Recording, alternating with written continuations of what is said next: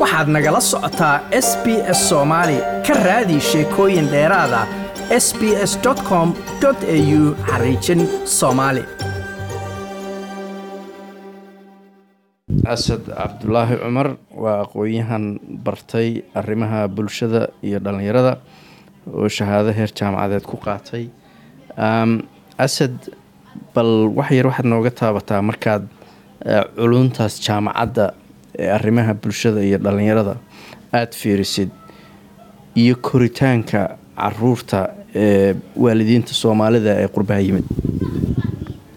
Bismi illaahi raxmaan iraxiim xasan aada baad u mahadsan tahay haddii aan waxyar kolle mowduucani waa mowduuc ballaadhan u baahan in badan in baadhitaan lagu sameeyo wakhti badanna la geliyo.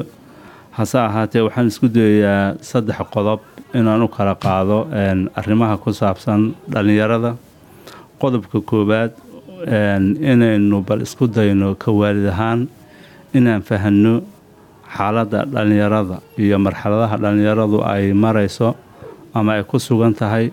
Yaa saameyn ku leh see loo saameeyaa cabsida u weyn iyo khataraha u weyn maxay yihiin? Taasi waa qodobka koowaad insha allah. Qodobka labaad inaynu iyadana xoogaa bal isdul taagno inaynu ka waalid ahaan fahanno bay-adan aynu ku noollahay ee caruurtu.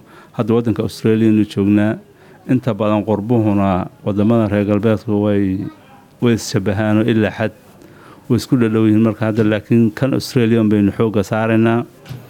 Qodobka saddexaad maxaa markaa waalidka la gudboon? Markaynu labada arrimood ee hore soo taabanno maxaa waalidka la gudboon? Marka haddii aan ku hormaro qodobka u horeeye ah dhallinyarada inaynu fahanno iyo dabeecadahooda iyo environmentiga ay ku nool yihiin. Dhallinyarada horta guud ahaan dhallinyarada adduunka ku noole macalaa kuwii soomaaliya ku nool waqti waxaa jira ay maraan. Wakhtigaasina magacyeynu inagu u naqaanay. Waa waxaa la odhan jiray dhallinyarada waa qalqaali baa la odhan jiray waxaa la odhan jiray labaatan jir waxaa looma ceeb qarinin looma ceeb qarinin. Marka waxaad qiyaasaysaa inay had iyo jeer wax ku xidhan dhallinyaronimada inay tahay inay noqdaan xoogaa qolyo inay xarkagoys inuu dembigu iyagu ku bato inay waxoogaa taasi waa waa sida guud ahaan gaar ahaan dhallinyaradan hadda australia degan ee ku kortay ma aha sbesifig ahaan soomaalida ma ah waa dhallinyarada oo dhan. Marka dhallinyarada waddanka waxa saameeya iyo innagana wayna saameynayaan marka waxaan ku soo koobayaa dhowr qodob oo dhallinyarada ah. Dhallinyaradu horta kow ma arkayaan khatarta ku soo socota ma garanayaan. Ficilkooda ay qaadayaan waxa ka dhalan doona uma muuqdo. Oo maskaxdoodu ilaa xadkaa kama fikiraan. Dhallinyaradu stageka ay maraan waxaa ka mid ah waa waqti ay cadho badan yihiin oo kulul yihiin. Oo waalidku hadduu la hadla lagaba yaabo waalidku hadalku yidhi mid siduu u waday si aan ahaynba inay oga jawaabaano cadho aada u badan leh. Waxaa laga yaabaa inay wakhtiyada ay xormadarrada badan waalidka u muujiyaan inay dhallinyaradu inay yihiin inay dhallinyaradu wakhtigaa maraan. Waxaa laga yaabaa inay wakhti hurdo badaan ay u baahan yihiin. Waxaa ay ugu caajis badan yihiin waa wakhtiga dhallinyarada yihiin. Waxaa kaloo jirta in waalidka xidhiidhka ay la lahaayeen markii ay yaryaraayeen iyo markii ay tiin age gaadhaan dhallinyaronimada farqi u dhexeeya ilmuhu markuu yar yahay ee iskuulka aado wax walba waalidka wuu u sheegayaa. Wuxuu ku dhacay oo dhan wuu sheegayaa. Laakiin markuu tiin age gaadho laga bilaabo saddex iyo toban sano ilaa sagaal iyo toban sano intaa aynu aan ku soo ururino dhallinyarada aynu ka hadlayno wuxuu bilaabayaa waalidkii inuu ka goosto xidhiidhkii ula lahaan jiray. Waxaa laga yaabaa inuu bilaabo wax isaga u sir ah oo yidhahdo waxaan waa bravacyga yaan loo soo dhowaani guriga inuu albaabka hoosta ka soo xidho inuu saaxiibo kaloo ka baxsan reerkii uu yeesho inuu noqdo ruux strange ah. Qalbi ahaan uba maqan oo reerkii aan kaba tirsanaynba gurigu gelayaa wuxuu samaynaya waa xidhiidho kalu yeelanayaa. Marka kuwaasuma dabeecadaha caadiga ah oo dhallinyaronimada mise waa calaamado kale? Dabeecadaha ay maraan inta badan dhallinyaradu. Macnaha waxaynu ka hadlaynaa inaynu fahan yar ka qaadanno marxaladaha ay maraan iyo dabeecadaha dhallinyarada. Waxaa iyadana ku dhaca oo kale dhallinyarada marka ay yihiin isbeddel koritaankoodii waagi hore dhallinyaradu waxay ku baaluqi jirtay waxaa laga yaabaa inta badan soomaaliya oo kale shan iyo toban sano ka ugu badan ama toddobiyo toban laakiin hadda labayo toban sano iyo bar labayo toban sano kaba yar inuu ilmuhu baaluqaa laga yaabaa. Laakiin jir ahaan buu u baaluqee maskax ahaan weli wuu yaryahay taana marka inaynu ogaano oon ogaano ilmahani fisikaali wuu koray laakiin mentaali weli maskaxdiisu ma korin marka taasina waa dabeecadaha loo baahan yahay inaynu xoogaa xoogga saarno. Waxaa kaloo intaa dheeroo u baahan inaynu iyadana xoogaa aan fiirinno bay-adan aynu ku nool lahay. Inaynu waalid ahaan in iyadana fiiro gooni ah loo yeesho. Tusaale ahaan waxaa la yidhaahdaa ilmaha saddex saddex arrimood baa saamaynta u weyn ku leh midka koowaad waa waalidka. Ka labaadna waa iskuulka iyo waxbarashada meeshuu aado. Ka saddexaadna waa guud ahaan environmentiga soo hadhay. Bay-ada ama saaxiib ha noqoto ama ha noqoto saaxiibo ha noqoto ama wax kale ha noqdo adu waa wixii intaa ka soo hadhay. Saddexdaasi marka waxay ku yeelanayaan ilmaha saameyn aada u xoog badan. Waalidka marka soomaalida saddexda arrimood gacanta laba kuma hayo iskuulkiina gacanta kuma hayo environmentigiina gacanta kuma hayo bay-adii waxa uu gacanta ku hayaa keliyata waa labadii waalid. Marka in la isku dayo labadaa waalid inay xoogga saaraan ilmaha sidii ay uga badbaadin lahaayeen environmentiga uu ku dhex jiro. Haddii markaa ayaan daro uu qoyskiina burburo ilmihiina awal horeba iskuulkii uusan isagu aan iskuul soomaaliyeed ahayn bay-adiina bay-ada soomaaliyeed ahayn wax intee la eg buu badbaadi in intee la eg buu ama dembi ka badbaadi ama uu horumar nolosha uu ka samayni taasina waxaa u baahan tahay inaynu waa environmentiga arrin ku taxalluqdo in waalidku uu arrintaa aada ugu fiirsado. Waxaa kaloo u baahan in iyadana aynu eegno khatarta ilmaha ku soo wajahaan inaynu xoogaa aynu u feejignaano khataraha waxaa ka mid ah. Gaadhiga uu ilmuhu wadayo waa khataraha ugu waaweyn ee dhimashada keena ee dhaawaca keena ee khasaaraha badan keena. Khataraha kale waxaa ka mid ah maandooriyaha la isticmaalo yaa isagana khatarta labaad ee ugu xooga badan. Ta saddexaad waa tiknolojiyadan cusub ee hadda soo baxda oo iyaduna khatarteeda iyo aafadeeda wadata. Mid afraad baa jirto oon innaga bari kama nihin laakiin sidaa uguma badnin waxyaalahan fawaaxishta ah. Iyaduna waa khatarta.